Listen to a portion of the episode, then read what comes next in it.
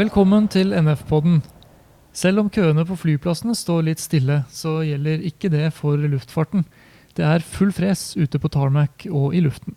Ja, I forrige episode så takka vi av den forrige lederen Yngve Karlsen i eh, forbundet her, og siden da så har nye krefter overtatt. Ja, vi får besøk av Alexander Vassland. Og i dag skal vi snakke om forhandlinger i SAS, fatigue i Wizz Air, Luftfart-Norges nykommere og veien videre for norsk luftfart. Ja, da kan vi ønske velkommen til Alexander Vassland tilbake i podkasten, og ikke minst gratulere med ny stilling som forbundsleder i Norsk Flygerforbund. Mm, tusen takk. Du tar jo over stafettpinnen til Yngve Karlsen, som vi hadde besøk her i forrige episode. Hvordan eh, føles det?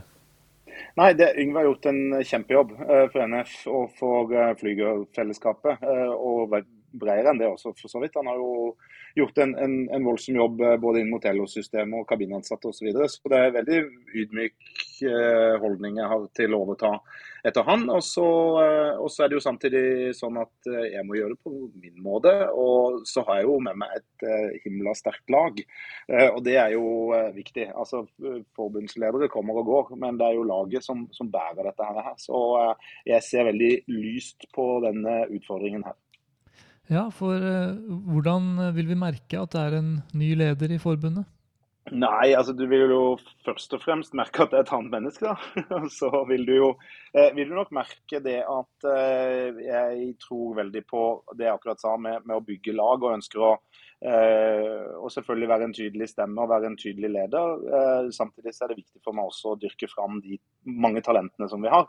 Eh, og Det er jo en sånt mål jeg har, da, om at vi kanskje får se litt nye fjes og litt gamle fjes vi har sett før, men at vi, at vi skal prøve å, å, å, dyrke litt bredden i, i NF. Så, så, det håper jeg at blir en, en signatur jeg kan få lov til å sette på dette. Mm. Og så har du jo vært, eh, som vi nevnte så vidt, du har jo vært inne som leder i forbundet tidligere. Men hva er annerledes i norsk luftfart i, dag eh, kontra den gang? Ja, Det er mye som er annerledes, og mye som er likt. Altså, det som er veldig forskjellig, er jo Norsk Flygerforbund er jo veldig annerledes nå enn sist eh, jeg var leder. og Det er jo nå himla mange år siden. Det var jo i ja, åtte-ti år siden. Da var det et husforbund, kall det det. Vi hadde ikke noe hoved eh, avtaletilslutning inn i hovedorganisasjonstilslutning. Vi satt på Fornebu og var og sjøl mer enn nok. og, Sånn sett så var det jo en mye mindre organisasjon. Vi, vi jobba jo godt synes jeg da òg med de ressursene vi hadde, men, men, nå er vi jo mange flere medlemmer, vi er mange flere ansatte, og vi tilhører jo eh, et LO-system bl.a. som gir oss enormt med muligheter. Så, så, det er en helt annen eh, liga eh, Norsk Flygerforbund spiller i nå enn, enn sist jeg var ved roret.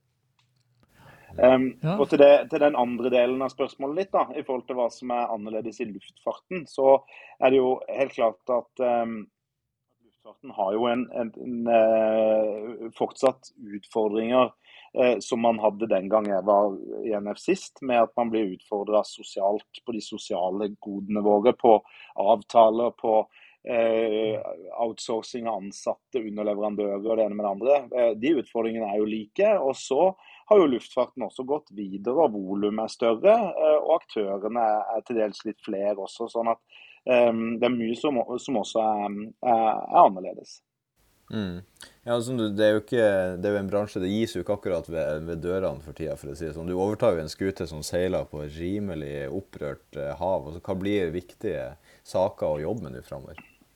Ja, Det er to, to saker som, som, jeg har satt som overskrift for det første året i, min ledergjerning. og Det er for det første det at Norsk Flygerforbund har en jobb å gjøre internt i forhold til å sette organisasjonen i forhold til å styrke medlemsforeningene styrke kompetansen ute i tillitsmannsapparatet eh, og utdanne eh, alle de, eh, de, som har ulike verv og, og, og tillitsverv og ekspertjobber i, i NF. Det blir, det blir, veldig viktig. Vi har vokst veldig mye de siste årene, og så har vi ikke pga. covid og mange andre ting, ikke hatt de ressursene vi har trengt for å kunne gjøre den utdannelsen. Så Det blir kjempeviktig at vi ser litt innover nå.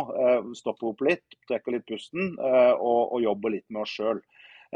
Så det, det, er den ene viktige tingen. Og den andre viktige tingen er at vi setter inn et nytt gir i forhold til alle de tariffavtalene som finnes ute i våre 22 medlemsforeninger. Uh, det er noen avtaler der som er veldig bra, og så er det noen avtaler som vi trenger å jobbe med. Og så må vi kanskje se på litt nye måter å gjøre ting på. Vi har jo f.eks. veldig mange medlemmer og medlemsforeninger fra innenlands helikopter f.eks. Eh, og det kunne vært spennende å begynne å kikke litt på skal man lage en bransjeavtale, en landsomfattende bransjeavtale, eh, som gjør at det blir enklere eh, å forhandle, og at, blir, at man blir mindre utsatt da, for opportunistiske aktører som, som ser sitt snitt til å dumpe betingelsene for å tjene noen ekstra kroner. Så, så akkurat det med å styrke avtaleverket og, og, da se litt innover, det er jo to ikke veldig sånn sexy visjoner, kanskje, men jeg tror det er helt nødvendig for Norsk Flygerforbund nå for å kunne være den maktfaktoren som vi, vi er, og som vi ønsker å, å styrke i, eh, i, norsk luftfart. Ja, ikke sant? Og ut, ut, av eh, pandemien så kommer vi også nå uh, mot en sommer hvor det viser seg å være veld, kanskje veldig mye mer trafikk og aktivitet enn vi var redd for. Det var jo mye spekulasjon i om luftfarten for evig og alltid ville, ville være såpass mye mindre. Det var snakk om en ketsjup-effekt. Hva synes du eh, om den altså, Det må vi vel si at uh, har kommet? Ja, i høyeste grad. Jeg gikk ut av flyet på Gardermoen i går morges. Uh, kom fra Bodø og ned til Oslo. Og det, Jeg tror ikke jeg har sett altså, så mye folk i terminalen på Gardermoen noen gang. Uh, og det er fullt hus og stormende jubel uh, hos alle for tida. Uh, så det er helt klart at reiselysten er jo tilbake igjen for fullt. hotellene er fulle, flyene er fulle. Um, I tillegg så ser vi jo i Europa nå at det er jo det sanne kaos. da, Fordi man ikke har klart å bemanne opp igjen etter pandemien i forhold til security-personell og, og bakkepersonell for øvrig. I Norge har vi vært i en veldig heldig situasjon, fordi at man har hatt permitteringsinstituttet, som gjør at du raskt kan få folk tilbake igjen i jobb uten at de har mista alle godkjenninger og funnet seg annet virke. Eh, så, så, det er helt klart den ketsjup-effekten mange av oss trodde kom til å komme kanskje i fjor høst. Den kom ikke i fjor høst, den kommer nå. Eh, og den sommeren her er jo fullstendig, virker til å bli fullstendig gale, Mathias, rundt omkring en del, eh, en del steder. Så, så det er jo veldig gledelig. Samtidig så gir det jo oss noen utfordringer. og det, Vi så jo det mest hårreisende eksempelet jeg i hvert fall har sett på mange mange, mange år, kanskje siden eh, siden Ryanair var på, på, sitt verste. Men du hadde jo eh, Wizz-sjefen som da rett og slett regelrett går ut og oppfordrer folk til å se bort fra egen trøtthet og egen eh, skikkethet til å føre fly, og bare ta seg i nakken og komme seg på jobb, for at nå skal vi tjene penger. Og Det er jo en kynisme og en manglende forståelse for luftfart og sikkerhetskultur, eh, og en manglende respekt for passasjerene, ikke minst, som, som jo er eh, hinsides enhver sunn fornuft. Så um, det er mye rart som skjer nå. Uh, og ketsjup-effekten den eh, skal vi nok passe på, særlig for oss som er forvalter av flysikkerhet. Så blir dette en viktig sommer å holde øya på ballen og være um, vaktbikkje. Ja, for nå er det jo eh, altså Når folk reiser om bare så det griner etter og bemanninga er lav og presset på crewene særlig kommer jo sannsynligvis til å bli ganske massiv. Altså hva hva gjøres for å liksom holde, holde safetyen oppe på det nivået det skal, når det presser såpass hardt som det kanskje gjør? da?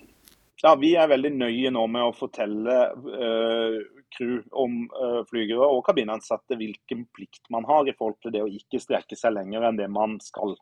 Uh, det handler om fatigue, det handler om trøtthet, det handler om å, å, melde seg not fit når man er not fit, og så handler det om å verne egen fritid. Det er klart det er et veldig press nå på fridagssalg, altså salg av overtid osv. Uh, og man bør nok kanskje ha et blikk på på helheten eh, i, sin egen, eh, i, sin egen, hverdag. Så, så det, Der har vi en informasjonsjobb å gjøre i forhold til våre egne.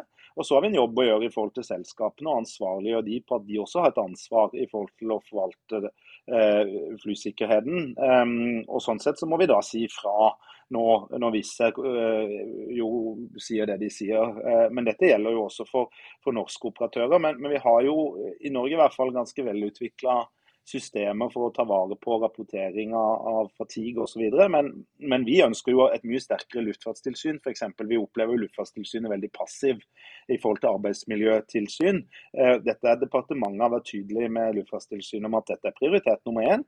Um, men det har vi enda til gode å se at tilsynet går ut og er en klar stemme uh, i dette. Vi hadde jo forventa når denne videoen kom på sosiale medier her for noen dager siden, hvor Wizz-sjefen sier det han sier, hvorfor har ikke Luftfartstilsynet respondert som nasjonal sikkerhetsmyndighet? Det er et godt spørsmål. Uh, og Det er spørsmål vi da må stille til Luftfartstilsynet, og, for så vidt også til politikere og samferdselsmyndigheter som er øverst ansvarlige. Fordi at eh, når en sånn uttalelse kommer, det er vel en åpenbar slags desperasjon. De, de, trenger folk, og de trenger dem til og med til å fly, selv om de uh, går på bekostning av flysikkerheten. Men hvor er folkene? Altså, Vi hører jo om at det er vanskelig å få bemannet, og det er ekstreme situasjoner, og køene står ut på motorveien fra terminalen. Hvorfor? Det var jo nok folk før pandemien. Er det så vanskelig å hente dem tilbake? Eller er vilkårene for dårlige? Hvor har det blitt av dem? Ja, det, Jeg tror jo veldig mye skyldes at man har fått jobber andre steder. Sånn, I hvert fall i Europa, hvor man ikke har hatt samme type som jeg sa, permitteringsmuligheter. Så har de forsvunnet. I Norge ser vi jo at vi ikke har disse problemene. Men vi skal jo ikke lenger enn til, til Stockholm, Arlanda, hvor, hvor, eh, hvor, det er krise på en dag som i dag. Fordi at man nettopp ikke får tak i disse menneskene. Så hvor de har blitt av, er jo et godt spørsmål. Um, og, og, så er jo spørsmålet i forhold til crew. og der var det jo en, Før pandemien var vi jo veldig pressa på tilgang på kvalifisert arbeidskraft. Ehm, vi ser at bildet er veldig forskjellig egentlig, fra region til region og fra verdensdel til verdensdel. jeg var i Singapore eh, for 14 dager siden på den store internasjonale pilotkonferansen til vår, eh, vårt globale flygerforbund i Falpa. og Der opererer man i USA. Nå fikk vi høre med um, sign-on-bonuser og stay-on-bonuser for, for, flygene som, som uh, strekker seg i 10 000 dollars-klassen. Så de har et desperat behov for folk i USA. I Europa er det fortsatt ingen rapporter om mangel på crew. Um, men det er klart mye crew har vært ute uten godkjenning og uten recurrent-trening. Mange trenger simulatortrening. Det er stort press på simulatorer, så det tar tid uh, å få uh, crew opp igjen til å stå med alle sine godkjenninger. Det, uh, det er naturlig. Så det er nok en del av forklaringa. Eh, vi ser fortsatt ikke noe pilotmangel. Eh, det, de lærde strides jo om det. Det har jo alltid vært varsla pilotmangel. Man har jo aldri egentlig sett det før da kanskje sånn som noe spor av det i USA nå. Men, men, dette er jo en, en situasjon vi følger veldig nøye. Mm. Er det ikke gjerne sånn at uh, det som skjer i USA, det kommer til Europa en sju-åtte uh, år senere? sånn at da sitter vi kanskje her og og har en, en, akutt pilotmangel og faktisk uh, har litt bedre kort på handa når det skal forhandles? da? Ja, og nei. Eh, altså, det er en stor forskjell mellom USA og Europa, særlig i forhold til flygere. I USA har man veldig strenge krav. Man har timekrav på 1400 timer i forhold til å fly i kommersiell luftfart. I Norge man, eh, og i Europa så har man minimumskrav. Det gjør at det er mer press på å få tak i kvalifisert personell i, eh, i USA. Vi må ta en diskusjon i forhold til seleksjon og rekruttering også på, på norsk jord og i Europa. fordi vi ser jo det at hva skal man si, kriteriene for å få lov til å bli flyger um, bør være sterkere enn det de er i dag. Uh, vi har en uh, situasjon i dag hvor ikke, det kreves ikke så veldig mye å, uh, å komme inn på, på flyskolen. Um, og vi ønsker oss nok en, en mye mer strukturert og målretta tanke og politikk bak hvem skal være flygere. Eh, fordi at Det er jo litt sånn, for å si det fryktelig brutalt, da, men det er jo shit in, shit out som man snakker om i dataverdenen. Eh, og det er klart Hvis man har for mange som ikke burde vært flygere, som ble uteksaminert og får sine sertifikater, så vil den situasjonen man har nå med behov for crew, eh, føre til at det nok er en del som, som ikke burde vært flygere, som, som, som, blir det. Det er et problem i forhold til det som er jobben vår. Jobben vår er jo å være safety professionals. Eh, og um, alle kan ikke bli flygere. Det er ingen menneskerett å bli flygere. Så Det er nok en langsiktig jobb vi har i forhold til å, å styrke flygeryrket. Jeg har en drøm altså om at vi, eh, vi skal bort og tilbake igjen til, til fagmannen. Eh, og til flygeren som, som, safety professional. For det er det vi er satt til å forvalte. Eh, og, og, der har vi noen, noen klare tanker og visjoner. Mm. Og så må vi ta en liten sving om til det som eh, selvfølgelig er dagens store heite potet, som eh, har en blå potet med tre bokstaver på. Det er jo altså Mens det er selskaper som lander nye kollektivavtaler, f.eks. West Air nå forleden, så er det jo eh, sånn at konfliktnivået øker dramatisk i SAS. Hvordan ser du på situasjonen i, i SAS? Nei, Jeg blir jo først og fremst fryktelig lei meg. Eh, fordi at her jo, har man jo det som har vært fyrtårnet på mange måter i, i, i, skandinavisk luftfart siden 1946, som nå eh, ligger under for en eller annen eh, heftig kommersiell eh, og influensa, kall det det. Eh, hvor man nå tyr til grep som vi tidligere bare har sett at andre har gjort i bransjen. i forhold til at Man oppretter bemanningsbyråer, man splitter opp selskapet i underselskaper. Man sier opp flygere som og kabinansatte som hadde jobber før og i lys av pandemien. Eh, og så ber man dem om å, å, søke på sine gamle jobber i et annet selskap til dårligere vilkår, og så setter man ansatte opp mot ansatte. Så det, det, det er forferdelig trist, det som skjer i, i SAS. Jeg tror eh, den jevne flypassasjer har gjennomskua SAS. Eh, vi opplever en voldsom støtte nå, eh, selv om vi måtte gå til det grepet da, gå til plassoppsigelser altså mulig streik, for å, for å, få orden på den situasjonen som er i SAS. Og Det er veldig synd at SAS ikke tar ansvar for, for sin egen situasjon bedre enn det de gjør. Eh, så det er, det er kritisk i SAS, og, vi, våre tanker går jo til de som jobber der, selvfølgelig. For det er ikke noe kult uh, å leve i den verdenen de lever i nå. Og så går jo våre tanker ikke minst til de som da mista jobben, og som fortsatt uh, er arbeidsløs, uh, og som sitter og ser på da at, at jobbene blir, blir um, bekledd av andre. Så dette er råttent, for å si det rett ut. Vi mener jo at en forhandling må løse dette. Mm. Men har, noen, har, du noen formening om hvorfor det er så vanskelig? Det virker som at veldig mange av de andre selskapene i norsk luftfart så går forhandlingene veldig greit. Uh, det er jo kjensgjerning at, eller kjent sak at Widerøe bruker veldig kort tid på å bli enig, og nå har jo Norwegian nettopp landet en ny kollektivavtale. Men stort sett når det forhandles i SAS, så skal det til megling og langt over meglingen også. Det er klart SAS er en kompleks eh, organisasjon. Eh, det er tre land. Eh, det er ansattegrupper i tre land. Eh, det er mange avtaler. Det er, det er stor kompleksitet i, eh, i, i SAS-forhandlingene. Det har det alltid vært. Og og, har det alltid, og det har vært bråk.